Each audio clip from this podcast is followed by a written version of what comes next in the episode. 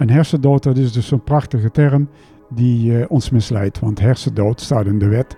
Hersendood is, uh, wordt gelijkgesteld met dood, maar hersendood is helemaal niet dood. Je hebt apparatuur nodig om iemand dood te verklaren, terwijl je kunt zien met je eigen ogen zonder apparaat dat hij nog leeft. Hoe gek wil je het hebben? Ik durf nu te stellen, in het begin misschien niet, maar nu er is zoveel over bekend ge, uh, uh, geworden als je wil weten, ook in de medische wereld, dat het nu bewuste misleiding is. Dat durf ik te stellen. Welkom bij de Supernova Podcast. Mijn naam is David. Leuk dat je weer luistert. De Supernova Podcast gaat over bewustwording, over vrijheid, spiritualiteit en persoonlijke ontwikkeling. Met deze podcast neem ik je mee op reis. Niet zozeer een fysieke reis, maar vooral een reis in bewustzijn en groei. Zodat we steeds meer gaan leven vanuit onszelf en steeds meer gaan worden wie we echt zijn. Deze aflevering met Ger Lodewijk gaat over orgaandonatie en dan vooral over wat je daadwerkelijk moet weten als je een goede keuze wilt maken. Wil je wel of geen donor worden? En misschien denk je wel, dit is totaal geen belangrijk onderwerp voor jou. Maar uh, je krijgt een brief thuis, als je die nog niet hebt gehad, waarin jou, jou gevraagd wordt wat jij wil doen. En de overheid heeft ook een hele mooie voorlichtingscampagne hierover. Ger Lodewijk schreef naar aanleiding van zijn eigen onderzoek enkele boeken over dit onderwerp. Uh, en in dit gesprek gaat het onder andere over wat de overheid jou en mij niet vertelt. Maar wat je natuurlijk wel moet weten als je een goede keuze wilt maken.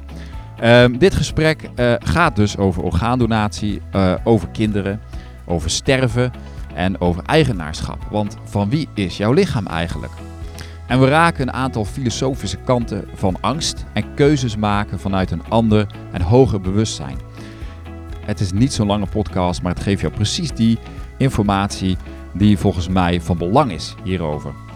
Wil je meer weten over deze podcast, over eerdere afleveringen en over wat ik naast deze podcast nog meer kan doen en eventueel ook voor jou kan betekenen? Kijk dan even op davidpieters.com en volg me zeker even op Instagram voor meer informatie en inspiratie. Uh, en vind je deze podcast interessant en waardevol? Dan wil ik je vragen om zeker even te delen met een vriend of vriendin. En laat even een review achter in je podcast-app. Daar ben ik jou heel dankbaar voor. Tot zover de intro. Um, dan gaan we nu naar het gesprek. Ik wens je veel luisterplezier. Dankjewel voor het luisteren. Kun je, kun je misschien is het goed om even te beginnen bij hoe jij um, ja, bij orgaandonatie terecht bent gekomen als überhaupt als onderwerp om je in te verdiepen en waar je ook boeken over hebt geschreven. Ik bedoel, je ligt je kunt ook zeggen, hoe is orgaandonatie bij mij terecht gekomen? nou, vertel. nou, samen met mijn vrouw maakten wij in de jaren 90, in de eerste helft van de jaren 90, deel uit van een groepje mensen die zich uh, interesseerden in maatschappelijke vraagstukken, maar dan ook met spirituele ondergrond zou je kunnen zeggen. En daar kwam op een gegeven moment het onderwerp uh, orgaandonatie te sprake. Ik stond, uh, ja, ik stond er heel positief tegenover. Ik had in die tijd een, uh, een briefje op zak. Dat kon je toen de tijd bij de huisarts ophalen, want dan had je het donorregister nog niet. Ja. Waarin stond dat ik wel na mijn overlijden wel orgaandonor wilde worden. Nou, toen ben ik me in dat hele zaakje gaan verdiepen. En toen kwam ik tot de ontdekking dat het verhaal toch wat anders in elkaar zit. Ik heb dat briefje op een gegeven moment verscheurd. Ik ben me erin gaan verdiepen. Ik uh, heb daar lezing, ben daar langzamerhand lezingen over gaan geven. En dat heeft ertoe geleid dat ik uh, voorzitter werd van de Stichting Bezinning Orgaandonatie. En uh, we hebben ook een paar congressen georganiseerd hierover mm. met, ja, je zou kunnen zeggen met deskundigen uit binnen- mm. en buitenland. En ik heb zelf ook congressen afgelopen, ja. met name in binnenland, maar ook wel in het buitenland. Ja, en daar doe je langzamerhand je informatie op. En dan hoor je dat, ja, dat ook deskundigen eigenlijk deskundig zijn. Dat wil zeggen niet kundig, ja. hè? Want als we het dan hebben over... Um, wat is dan eigenlijk de kern van hetgene waarvan jij zegt van... Ja, um, het blijkt dan toch iets anders te zijn. Ja, de kern van, daarvan is dat mij altijd werd voorgehouden... dat stond ook op dat briefje, na je dood. Nou, het is ja. heel simpel. Dat klopt niet, want als iemand werkelijk dood is, kun je met zijn organen niks meer beginnen. Dus die organen halen ze eruit voordat je dood bent. Dat is even heel kort samengevat Maar wordt, dat wordt niet gecommuniceerd of werd dat niet Nee, gecommuniceerd? nee, ga en nog steeds niet. Ga maar eens even kijken op allerlei websites die zich daarmee bezighouden. Onder andere van het ministerie. Wat ik heel schandalig vind is websites voor eh, lagere schoolkinderen. Basisschoolkinderen heet dat tegenwoordig. Ook voor middelbare scholieren. Die het alsmaar hebben over na de dood. Ik heb contact geprobeerd te leggen met de inspectie. Eh, ze laten het allemaal gebeuren. En het is zo'n misleiding. Ik vind het echt schrijnende misleiding. Alsof een kind van 10, 11, 12 jaar zich gaat afvragen wat er met orgaandonatie gebeurt. Die kinderen, er zijn er wel die nee zeggen, die het niet willen. Maar die kinderen denken inderdaad Ja, die dat je dood als ik bent. dood ben. En er wordt, aan, aan, eh, er wordt ook aan de ouders gezegd, praat er met je kinderen over. Maar die ouders weten ook, de meesten weten ook van toeten nou blazen. Dus waar hebben we het over? Hmm. En dat he- heet dan voorlichting. Maar goed, dan, dan, dan leven we natuurlijk de term hersendood, hè, Ja. wordt dan eh, gezegd. Ja.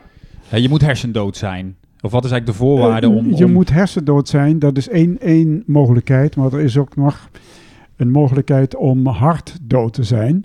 En, maar dan moet je wel onmiddellijk, als het hart stopt, moet je onmiddellijk eh, naar de operatiekamer. En dan moeten ze de organen uit je halen. En dan Ja. kunnen ze, va- vaak heb ik begrepen, word je dan opnieuw gereanimeerd. Zodat de zaak weer eh, op gang komt en dan haalt het er maar uit. Maar goed, in het gros van de gevallen die, van de organen die op dit moment zeg maar dan geoogst worden, Ja. als het over Nederland hebben, ik weet niet eens, ja, dat is typisch een Engelstalige term Ja. in deze wereld. Ja. het oogsten van organen. Ja, ja, ja, Maar goed, oké. Hè, ehm, om hoeveel, ehm, hoeveel organen worden er in Nederland dan eh, zeg maar geoogst per jaar? Is daar, zijn daar cijfers over? Nee, ja, er zijn cijfers over, die weet ik niet uit mijn hoofd. Het zijn er niet zo heel veel. Ik Nee. denk dat je, eh, als, je dus als je er 300 bij elkaar krijgt, dan mag je je handen dichtknijpen. Dus eigenlijk houden we ons bezig met iets wat niet veel voorkomt. Nee.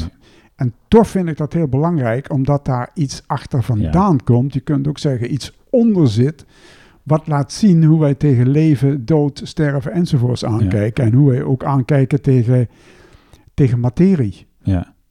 Maar En- die 300 mensen, zeg maar, die zijn, het gros daarvan is hersendood, zeggen ze. Of hersendood op het moment dat de organen dan Ja. eh, geoogst worden. En hersendood, dat is dus zo'n prachtige term die eh, ons misleidt. Want hersendood staat in de wet. Hersendood is, eh, wordt gelijkgesteld met dood, maar hersendood is helemaal niet dood. Ik heb in het boek dat ik geschreven heb met als titel wat je over orgaandonatie Ja. zou moeten weten, waar inmiddels een tweede druk van verschenen is, geef ik 20 tekens van leven waaruit blijkt dat iedereen waar een orgaan uitgehaald wordt nog leeft. Nou, noem eens de, de drie, bela- de drie, drie eerste Nou, ik vind het heel belangrijk dat eh hersendood verklaarde zwangere vrouwen, ja, Mhm. hersendood verklaard volgens de geldende criteria, na één tot drie maanden nog een levend kind ter wereld kunnen zetten. Je kunt mij niet wijsmaken dat een levend kind geboren kan worden uit een kadavercouveuse, of hoe moet je dat noemen? Dat bestaat niet. Uit een dode kan niet iets levens komen. Dat is één punt. Maar ook als je kijkt hoe, eh, ja, hoe dat lichaam functioneert. Alles functioneert nog. Alles functioneert nog.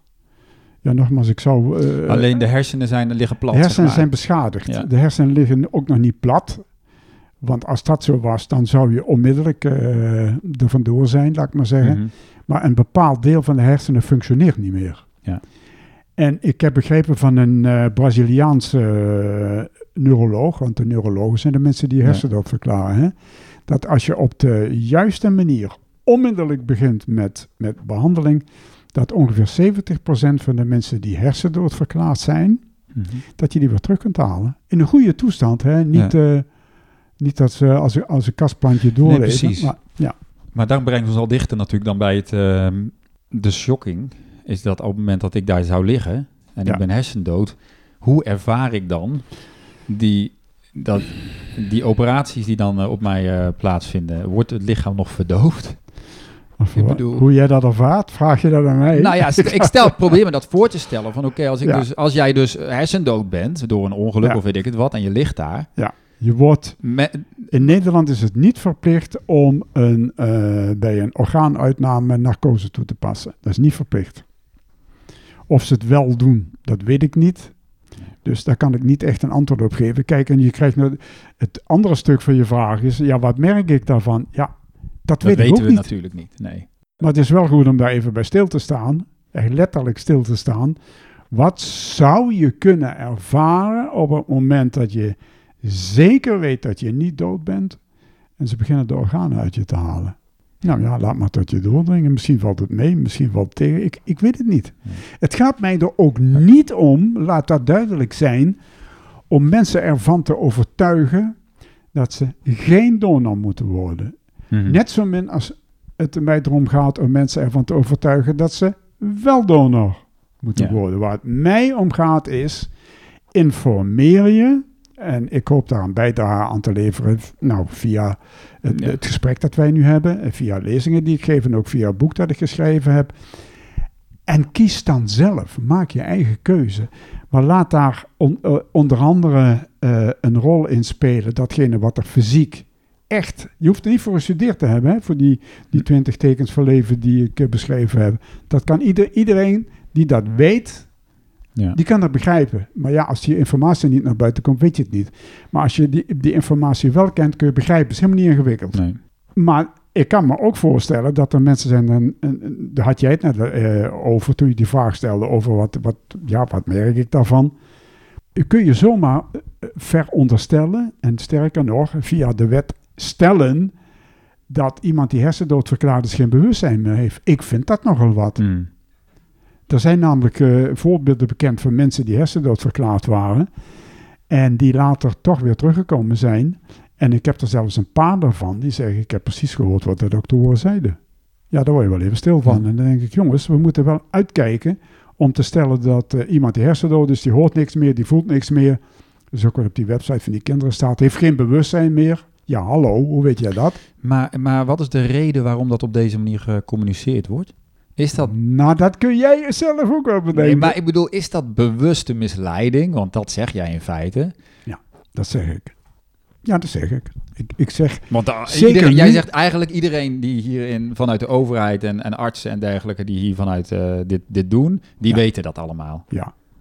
Ik durf nu te stellen, in het begin misschien niet, maar nu, er is zoveel over bekend ge- eh, eh, eh, geworden, als je wil weten, ook in de medische wereld, dat het nu bewuste misleiding is. Dat durf ik te stellen. Ik heb wel eens een keer tijdens een lezing eh, een opmerking gekregen van een man die zei: Meneer, bent u niet bang dat u het trammeland krijgt met de overheid? Mijn antwoord was: Ik mocht leiden dat het waar was. Er wordt gewoon doodgezwegen. Ja, want dan komt het tenminste een keer aan de openbaarheid, Ja. maar dat gebeurt niet. Die neuroloog verklaart je hersendood eh, op basis van het hersenpoot eh, dood. Doen ze een soort scan of zo of iets? Of wat doen ze? Om jouw Eh, hersendood de- te de verklaren. hersen- ja, de hersenen worden... Maar het grappige is... Ja, eigenlijk is het wel grappig. Ik vind het eigenlijk dom. Ik vind het zo dom. Je hebt apparatuur nodig om iemand dood te verklaren, verklaren terwijl je kunt zien met Dat- je eigen ogen zonder apparaat dat hij nog leeft. Hoe gek wil je het hebben? Dat heet de westerse wetenschap. En dat komt omdat iemand die hersendood verklaard is, waar ze allerlei testen mee gedaan hebben, die reageert niet op prikkels. Maar ik heb mensen gesproken die, eh, die waren niet hersendood verklaard, maar die waren wel compleet uit hun lijf. Eh, er, was, er was iets mee gebeurd met vergiftiging, bla bla bla. En die zeiden ook van, ik kon niks meer bewegen. Ja. Ik was er, ik was er wel er volledig bij. Ik weet precies wat ze gedaan hebben. En voordat ik mijn lichaam uitvloepte, want dan gaan ze vaak en dan krijgen ze bijna doodervaringen en zo. Voordat, ze, voordat ik het lichaam uitging, ik kon, ik kon nog niet met mijn ogen knipperen. Niks. Het is, het is, het is, op de een of andere manier is dus datgene wat de, de, de hoe heet zoiets? Eh, een soort stim- stimulans Oh ja, over ja, moet brengen naar, je, naar je zenuwen, die het weer naar de spieren moeten brengen. Daar zit, een, Daar zit een king of een... eh, daar, daar zit iets tussen wat, waardoor die, eh, wat geen signaal stimulans geeft. niet... Ja, precies, dat wordt zo, waardoor het signaal niet door kan. Maar dat wil niet zeggen dat je dood bent.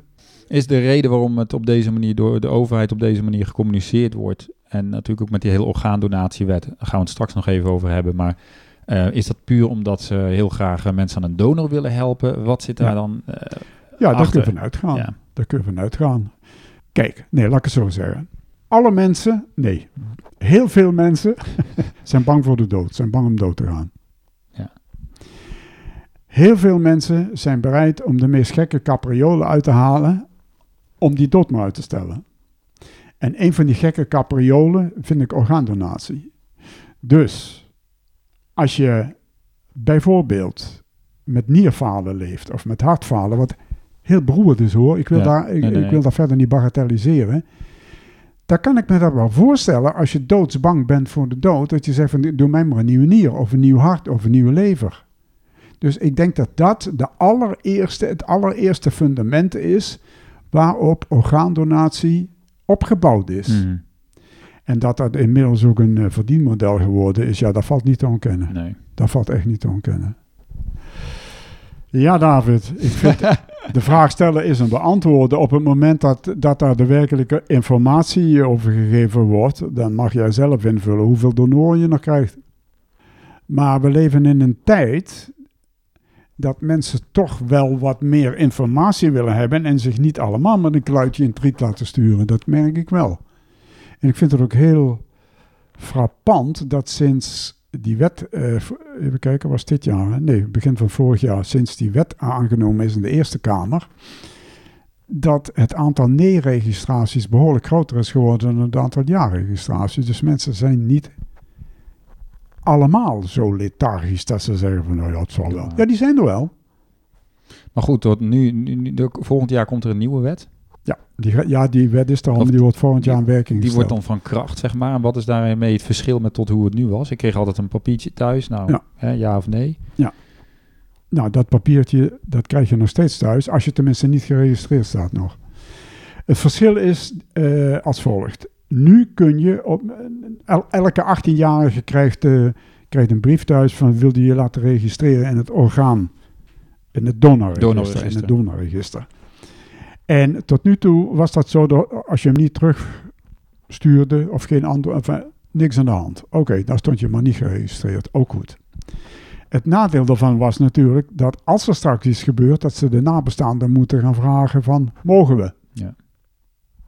Dan eh, verschuif je de keus door naar een ander. Ja, dan schuif je de keuze door naar een ander. En ik zeg dus ook te- steeds tijdens lezingen, mensen, laat je registreren. Want waarom moet een ander een keuze maken voor iets wat jij niet hebt gedurfd of gekund of weet ik veel wat? Dat heb ik altijd gezegd. Maar nu gaan ze een stap verder. Nu is het zo dat iedereen moet zich laten registreren. Of dat nou met ja of met nee is, daar blijven ze dan nog net vanaf. Maar iedereen moet zich laten registreren. En als jij je niet laat registreren, dan krijg je een brief van de overheid waarin de vraag wordt gesteld om je te laten registreren. Reageer daar niet op, krijg je nog een keer zo'n brief.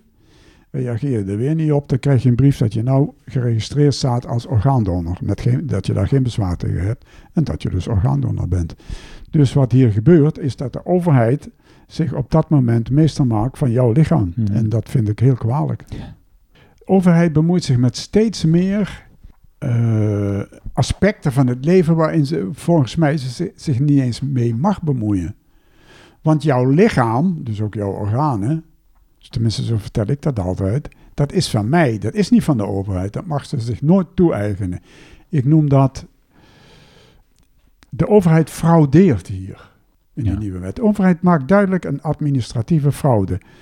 Ik heb niks ingevuld en dan zegt de overheid, nou dan vul ik het wel even voor je in. Ja. Ja, Dan is je lichaam voor ons. Ja, dat, is dus, dat vind ik fraude, want Ja. ik, heb, ik heb daar geen toestemming voor gegeven. En je kunt zelf zeggen, dit, is inbreken. Ik bedoel, ik hoef er geen, geen briefje op de deur te hangen, niet inbreken vandaag. Of morgen, of overmorgen. Maar ik moet dus nu wel een briefje gaan invullen van, Blijf van mijn lichaam. blijf van mijn lichaam af. En ik, eh, ik vind ook dat daar een strijd is met een aantal grondwettelijke artikelen. Ja. Ja. Maar ja, de Eerste Kamer heeft zitten slapen op dat moment, zeg ik maar. Maar de Eerste Kamer is om te kijken of wetten eh, niet in strijd zijn met de grondwet, om maar eens even wat te noemen. Ja. Wat zijn nog meer belangrijke dingen dan die mensen zich moeten realiseren waarvan jij zegt, ja, maar dit moeten mensen wel weten? Naast wat we net al hebben besproken. dat we ook aandacht besteden aan eh, mensen die achterblijven. Ik heb hier ook een apart hoofdstuk in staan van verhalen van nabestaanden. Van mensen die eh, kinderen of een partner hebben gehad die eh, orgaandonor is geweest. En die daar achteraf heel veel spijt van hebben gekregen. In Duitsland heb je zelfs een vereniging, de KAO. Daar hebben we eh, nog steeds contact mee. KAO betekent kritische Aufklärung über Organtransplantation. En de vrouw die dat in Deven heeft geroepen, die club, in de jaren 70, is Renate Greinert. En Renate Greinert had een zoon die is verongelukt. En die is daarna is ze gaan uitzoeken. Kennelijk heeft ze een of ander gevoel gekregen, er klopt iets niet. Mhm. Ze hebben na zijn ongeluk hem uh, Hij is orgaandonor geweest. Ja, ze hebben ze toestemming voor gegeven. En later dacht ze, dit hebben we niet goed gedaan. En ik heb haar geïnterviewd en ook haar man. Wat is haar ervaring dan geweest? Ik, ik begin even met, ik lees het even voor wat haar man zei. Lutz, uh, Wie voor zichzelf heeft beslist orgaandonor te willen zijn, moet zich goed realiseren waar de achterblijvers mee te dealen krijgen. Voor nabestaanden die toestemming hebben gegeven voor bijvoorbeeld hun kind is het nog veel erger. Want zij moeten hun leven lang omzien te gaan met waar ze toestemming voor gegeven hebben. Hij benadrukt dat mensen niet geïnformeerd zijn waar het werkelijk om gaat, wat donor zijn inhoudt voor henzelf en voor anderen. En nog wat. Hij zwijgt even dat in dat interview, kijkt ons doordringend aan en daar rollen tranen over zijn wangen. Met enigszins overslaande stem zegt hij iets wat ik ervaar als een diepgaande beleidenis die me tot in mijn ziel raakt. Want wat zegt hij? Misschien is het een falen van ons als opvoeders. Jonge mensen zijn meestal niet bezig met werkelijke, werkelijke zelfliefde. Wat houdt dat in? Hebben wij als volwassenen een antwoord op deze vraag? Jonge mensen houden zich meestal niet bezig met een liefdevol stervensproces voor zichzelf en vinden het bijna vanzelfsprekend om hun organen te doneren, zonder enig inzicht en gevoel wat dat werkelijk inhoudt. Als iemand bij je komt en vraagt om de helft van je geld aan hem af te staan, dan verklaren we hem voor gek. Als iemand vraagt om je hele sterven aan hem af te staan, dan is dat geen probleem. Ik vond dat nogal uh, heftig. Want het gaat dus eigenlijk, hè, eigenlijk gaat het dus om het stervensproces. Want wat we dan net hadden, ja, ja, oké, het, gaat dus, het gaat dus niet zo... Ja, oké, die wet, oké, en dan dat die voorlichting klopt dan niet, maar het is een, een, een inbreuk op je, op je sterven eigenlijk. Ik vind van wel. En er zijn mensen die het met me eens zijn en er zijn mensen die het uh, niet met me eens zijn. Weet je, maar goed, dus het proces van sterven, je, het komt er dus op neer. Uh, je sterft dan gewoon uh, op een operatiekamer. Of wat, nou wat? ja, je wordt doodgemaakt op de operatiekamer. Ja. Zoals ik, uh, voor zover mijn informatie reikt. Ja, en dan komen we weer terug bij de vraag uit het begin. Wat merkt iemand daarvan? Ik weet het niet. Nee. Dat betekent dus ook dat iemand die dus um, uh, ouders met een kind, of dat kind, uh, in dit geval was het een, een, kind van hun wat dan donor was, ja. die is daar alleen gestorven, zonder zijn ouders bij zich. Ja, klopt. Dat is altijd Dat zo. is eigenlijk de grote, dat is eigenlijk het verdriet wat die mensen dan meedragen. Vooral dat ze dus eigenlijk niet bij het overlijden van hun kind konden zijn. Ja, dat is één, één, één aspect. Maar het andere aspect is, bij deze mensen tenminste, dat zij de overtuiging gekregen hebben dat het kind niet dood was. En dat, Zij geloofde dat? Of ja, nou dat ja, noem het maar geloven. Het was een overtuiging, ja. ja dat is een, ja, ja. En dat, uh, dat praat ik niemand uit zijn hoofd. En dat is een, ik, ik, ik, ik, kan, ik kan dat namelijk, ik kan daar geen zinnig woord over zeggen. Ik weet het niet. Ik heb daar wel mijn eigen ideeën bij. Ik heb de neiging om ze gelijk te geven. Nogmaals, gelet op de feiten waar we het toen straks even over hadden. Al die hmm. punten, die twintig punten. Kun je onmogelijk beweren dat iemand dood is. En uh, als iemand buiten kennis is, zo heet dat dan, hè? Ja, kun je dan, dan kom ik weer terug met die vraag. Kun je dan zomaar concluderen dat hij geen bewustzijn meer heeft? Dan heb je wel een heel beperkt idee van wat bewustzijn is. Mm -hmm. Misschien weten we net niet eens wat bewustzijn is. Ik ben jaren geleden eens een keer op een congres in België geweest. En daar sprak een, uh, hoe heet dat vak ook alweer? Uh, als, als je iemand. Uh, ik begin denk ik te, te, vergeten. Dit knippen we te eruit vergeten dan, als je. Uh, hoe heet dat nou? Uh, ik wil zeggen.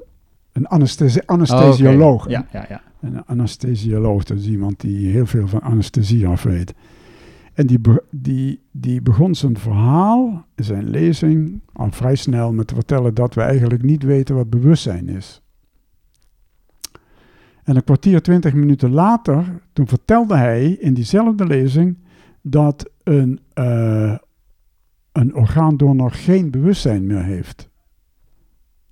Toen heb ik hem dus ook de vraag gesteld, als hij niet weet wat bewustzijn is, hoe hij dan die uitspraak kan doen, dat die man geen bewustzijn meer heeft. Dus ja, ik, ik, nogmaals, ik vind dat je uiterst voorzichtig moet zijn met, uh, met te stellen. Maar ik vind het interessant punt wat je net aanhaalde, wat, net, wat je net voorlas over die, um, die mensen die hebben dus eigenlijk spijt. Jazeker. En wat is bij hun dan, waar hebben ze dan het meest spijt van? Is dat het feit dat ze Um, dat ze achteraf achterkwamen van ja, maar hij, hij, was, hij leefde eigenlijk nog. Waar ze spijt van hebben is dat, zoals ze in Duitsland noemen, hun kind hebben vrijgegeven. En ze, die Renate Greiner zegt, de mensen rukt zijn tegenstander niet meer de ingewanden uit zoals het vroeger ging. Om deze voor eigen gewin op te vreten. Nee, gaat op een operatietafel liggen, sluit de ogen en laat zich verorberen.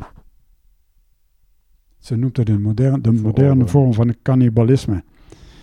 En ze zegt ook, iemand heeft ooit, zegt de naam uh, Hans Jong als je iets, een Duits ethicus, die man is al lang dood, die heeft een keer tegen haar gezegd, het is de opgave voor de moeders om opnieuw het gevoel, de intuïtie en de spiritualiteit in kwestie van orgaandonatie terug te brengen. Dus het is ook een appel om uh, terug te komen op het intuïtiegevoel van de ouders. Ja, ik denk om te voelen uiteindelijk. Ja, ja, ja. Ja, en uh, ja, ik kreeg met, le met lezingen kreeg ik ook vaak de vraag gesteld: wat voor effect orgaandonatie op je ziel heeft.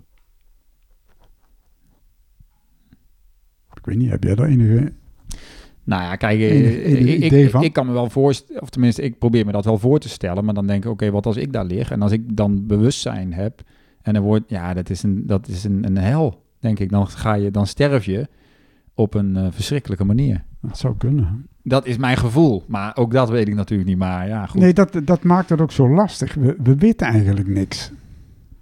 Er zijn wel mensen die denken dat ze alles weten en die zeggen ook uh, dat ze dat weten, maar eigenlijk dat maken weten we het gewoon niet. En je kunt je afvragen, zeker gelet op de ontwikkelingen van de laatste decennia, en daar ben ik ook al mee bezig, je kunt je dan afvragen, waar zijn we eigenlijk mee bezig? Als je, ik noem het maar even heel plat, onderdelen van de ene mens in de andere mens gaat overplanten. Waar ben je dan mee bezig?